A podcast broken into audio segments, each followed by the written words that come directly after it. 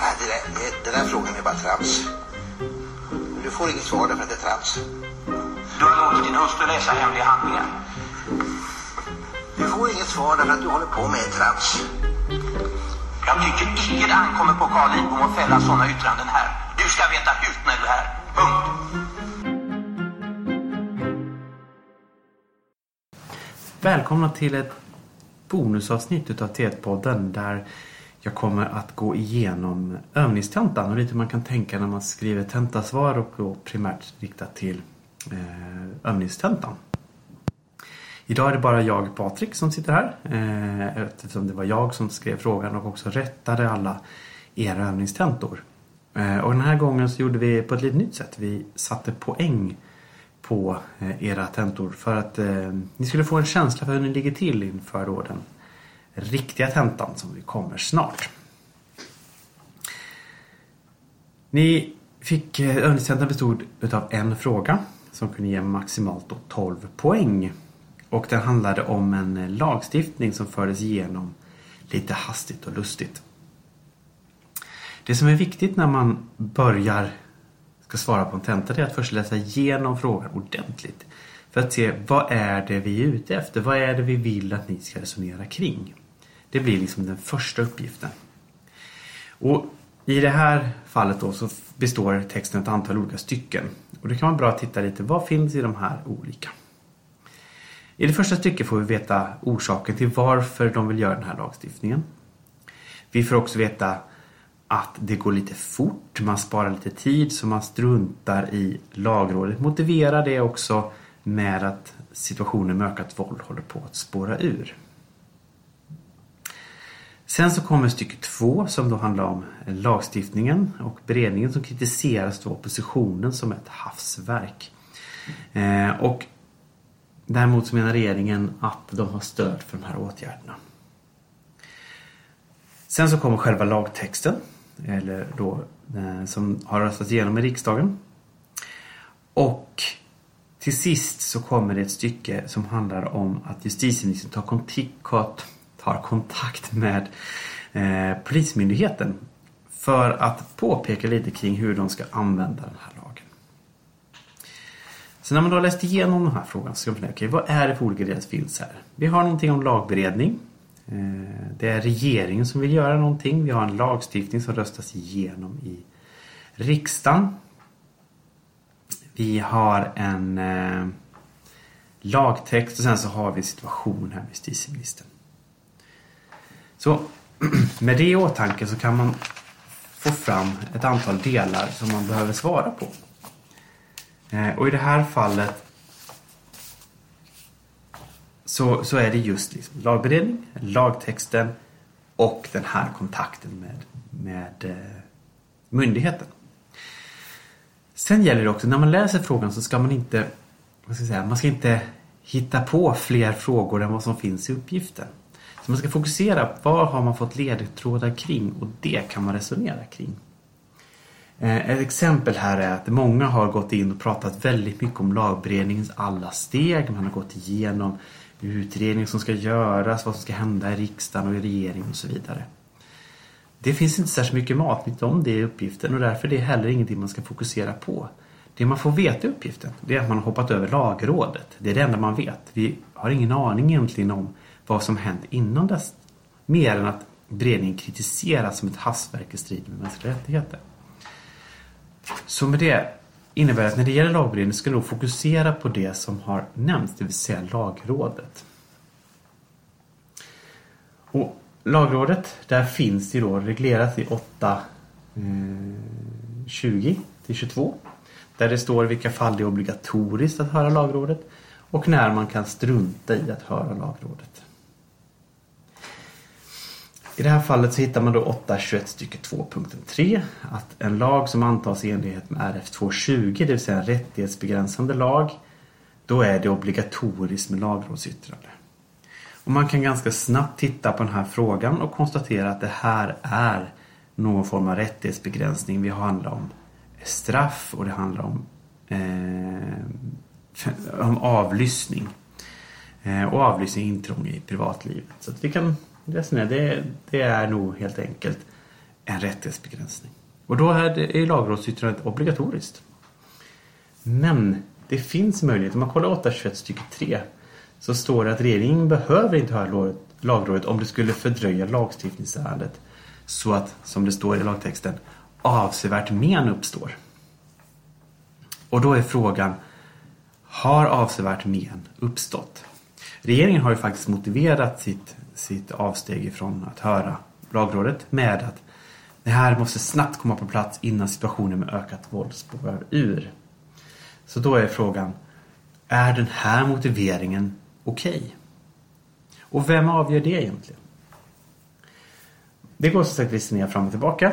Hur bråttom kan det vara? Hur lång tid tar lagrådsyttrandet kan man resonera kring. Man kan diskutera då att det här är då våld. Att få den här snabbt på plats, stoppa våldet. Det skulle kunna resonera som att det är avsevärt mer. Och man kan komma till motsatt slutsats att det, den här korta fördröjningen på någon vecka eller kanske två veckor till och med som det lagrådet innebär inte skulle fördröja lagstiftningen så mycket att det skulle bli avsevärt men. Det är många som också har eh, uppfattat och läst i kommentaren till RF till exempel att det här används framförallt när det gäller skattelagstiftning för att man inte ska få tiden att justera om sin skatteplanering helt enkelt. Så där kan man diskutera det. Man kan också, jag har också gett poäng om man har haft bra resonemang kring vad det betyder att de inte har tagit lagrådet eller lyssnat på lagrådet. Nämligen att då kan det bli fråga om att eh, att man måste ta hänsyn till lagprövningsrätten. Att ifall det nu är så att regeringen drar igen här, det visar att den är ett steg rättigheter, så kan ju då bli underkänd i domstol. Och då har man ju fördröjt lagstiftningen ännu mer. Så det har också kunnat ge poäng. Men som sagt, allt annat om beredning här har då bara undantagsvis kunnat ge poäng. Ehm, Eftersom det finns ingen information så det finns ingenting att resonera kring. Utan då blir det bara att allmänt rabbla upp eh, massa lagtext. När vi då har kommit förbi det här med att diskutera lagberedningen och eh, det här så har ju riksdagen röstat igenom den här lagstiftningen.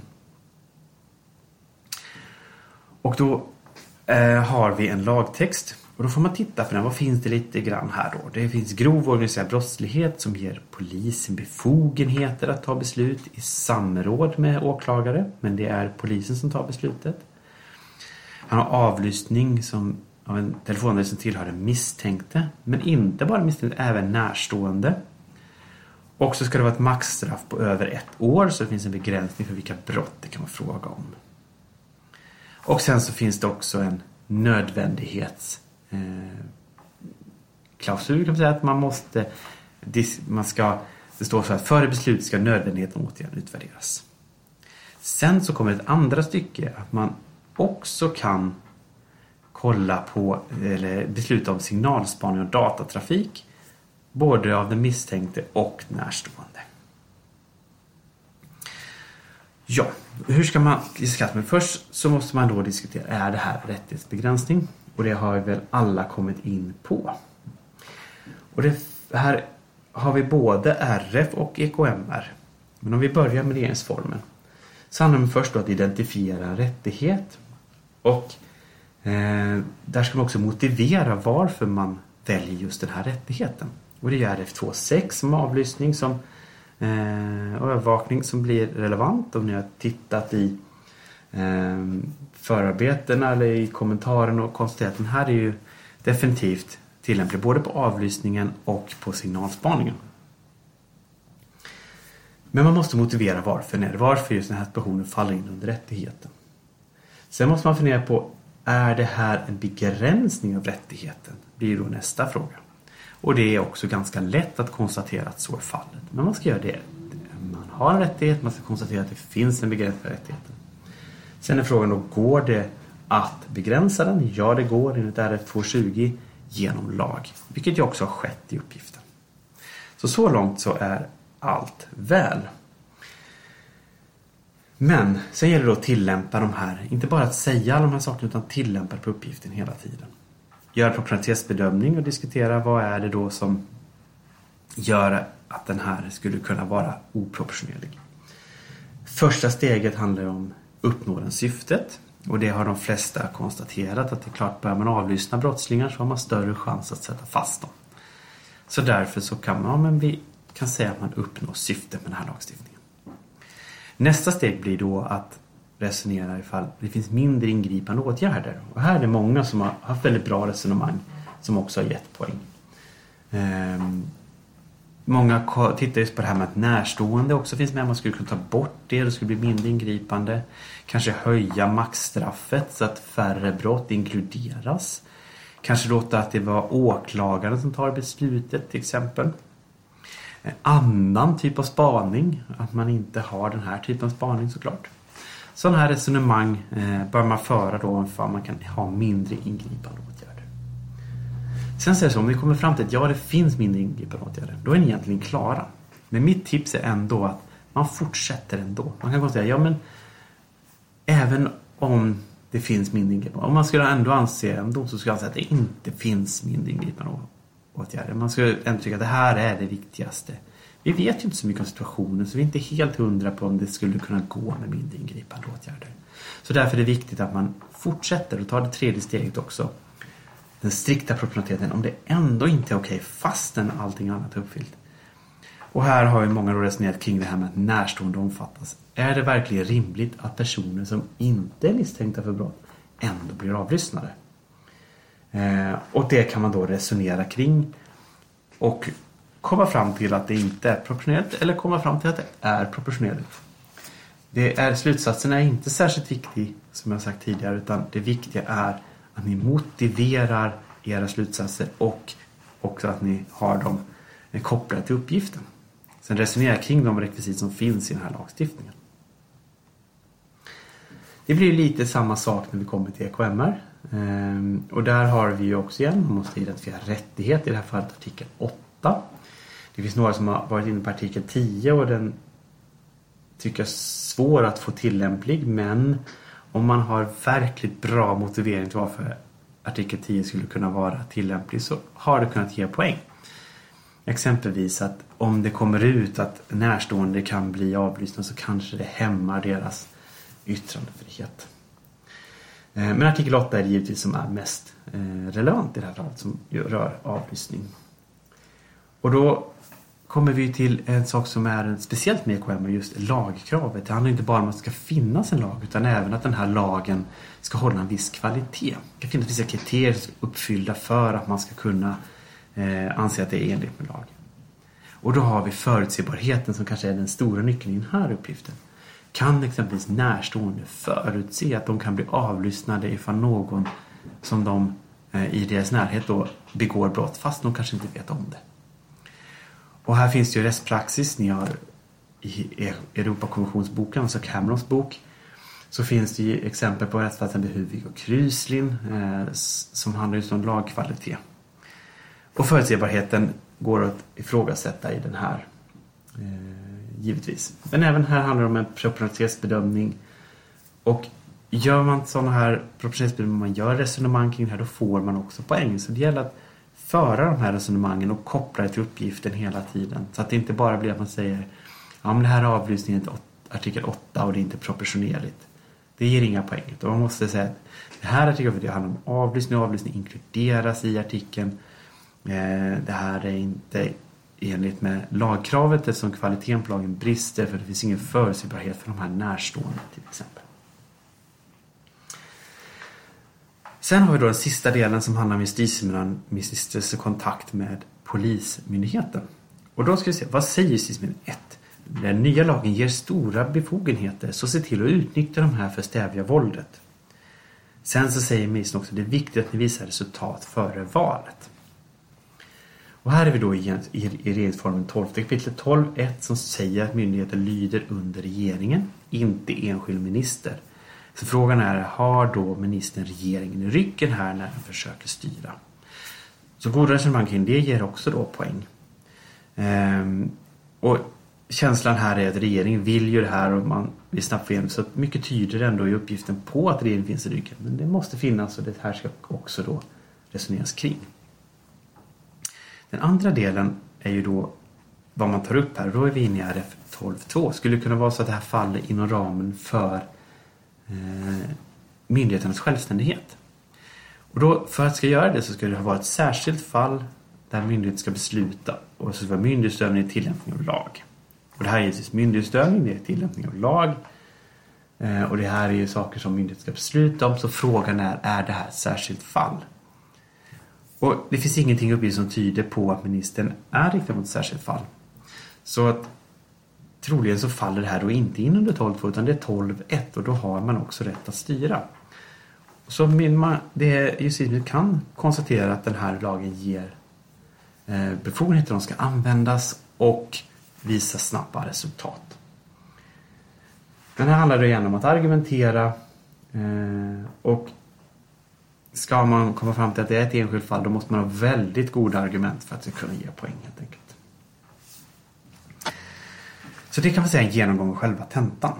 Sen så finns det ju saker man ska tänka och vi har ju Tentapodden som ligger uppe på eh, bland de andra TET-poddarna som man kan lyssna på för att få lite tips kring tentan. Men några saker ska vi ändå skicka med. Det ena är att var noggranna, motivera era val hela tiden. Det vill säga, väljer ni en rättighet, motivera varför och koppla det till uppgiften. Alltså ta helt enkelt omständighet i uppgiften som gör att rättigheten blir tillämpbar. Sen är det också viktigt att man håller isär regeringsformen och EKMRs artiklar. Det är inte samma bedömning som görs i dem.